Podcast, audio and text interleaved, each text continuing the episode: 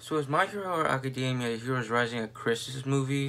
They never will break you, will suffocate everything they complicate, everything they steal your fate, everything. Because I do this thing where I look up the release dates of an anime movie in dubbed and then looked at it uh, when it came out in Japan to see how long it took for them to make it.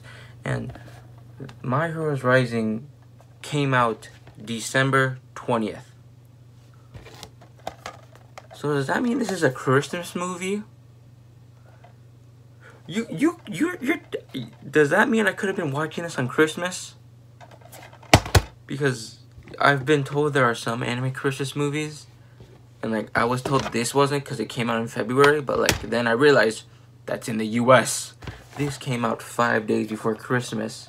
So does this technically count as a Christmas movie? Yes or no? Cuz I'm actually really confused right now. That's why I got this from Best Buy if you're wondering. wondering. Bye. Because seriously, I honestly, now I'm starting to think this was a Christmas movie. Okay, bye.